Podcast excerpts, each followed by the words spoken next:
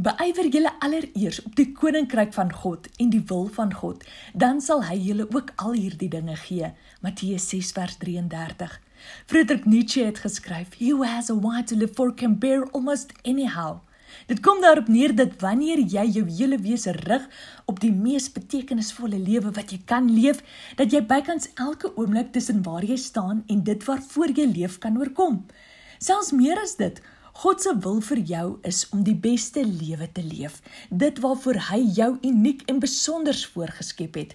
Wanneer jy dan jou fusier instel op hierdie rede, dit wat werklik goed is vir jou, sal God ook voorsien alles wat jy in hierdie nou oomblik nodig het. Dit is sekerlik een van die mees waardevolste lesse wat ons in die lewe kan leer, dat dit beter is om te streef na dit wat die beste is vir ons as dit wat ons soms wil hê. God is alomteenwoordig. Hy weet waar jy vandaan kom en hy sal reeds in jou môre Jou fokus moet dus wees daarop om 'n sinvolle lewe te leef. So wat beteken dit om 'n lewe wat waarlik sinvol is te leef? 'n Lewe wat die beste is vir jou. Om jouself te nader tot hom en hom toe te laat om aan jou sy hart en sy gedagtes aangaande jou te openbaar. Dan sal jy 'n toekoms hê wat dit elke dag die moeite werd maak om voort te leef. 'n Rede wat elke oomblik 'n koester oomblik maak. Beteken dit dat elke oomblik noodwendig goed sal wees? Nee, maar dat elke lewenservaring ten goeie sal meewerk omdat jy jou oë gerig hou op hom, hom liefhet en geroep is volgens sy wilsbesluit. Goeie oomblikke is daar om te vier en uitdagings is geleenthede om te groei tot 'n dieper en wyser weergawe van jouself. Een van die mooiste skrifgedeeltes vir my is waar die woord verwys na die Heilige Gees en daar geskryf staan: In hom leef, beweeg en het ons ons totale bestaan. Vir my is dit wat dit beteken om bewus en sensitief te leef vir die Heilige Gees, om in hom ons hele wese en bestaansdoel te vind, om hom deel te maak van elke oomblik, van elke dag, om deel te maak van elke gedagte en alles wat in jou hart omgaan, om deel te maak van elke besluit wat jy neem en elke strategie, om deel te maak van elke plan, elke mislukking en elke oorwinning. Op die ou einde bestaan die lewe eintlik maar net uit 'n kompilasie of samestelling van oomblikke. Elke oomblik is kosbaar en geen oomblik moet gering geag word nie.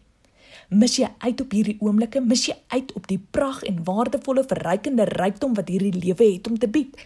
Ons moet doelbewus kies om in hierdie nou oomblik te leef saam met hom. Nie in 'n oomblik vanuit die verlede goed of sleg nie.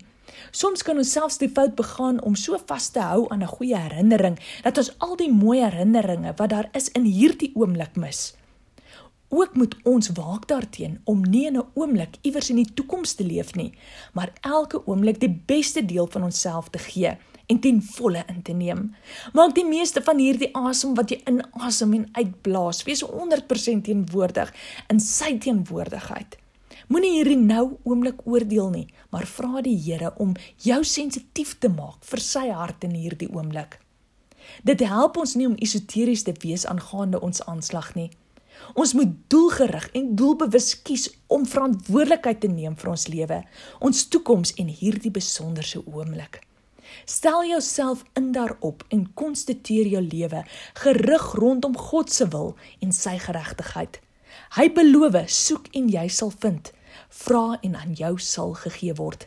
Stel sy wil altyd eerste en hy sal in sy almag onvoorwaardelike liefde en groot genade al die bekommernisse wat in jou lewe is namens jou uitsorteer. Hy weet presies wat jy nodig het. Vertrou hom met hierdie oomblik. Hoe meer bewus ons van hom leef in hierdie oomblik, hoe minder ruimte sal daar wees vir angstigheid oor die toekoms. Waar ware liefde is, is daar geen vrees nie. En God is liefde, die liefde wat alle vrees verdryf.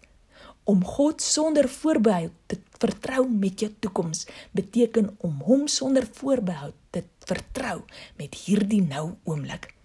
Hou jou hart gerig op sy hart en wees stil en weet hy stil tevrede in sy liefde oor jou. Besig in hierdie oomblik om kragtig in en deur en vir jou te werk.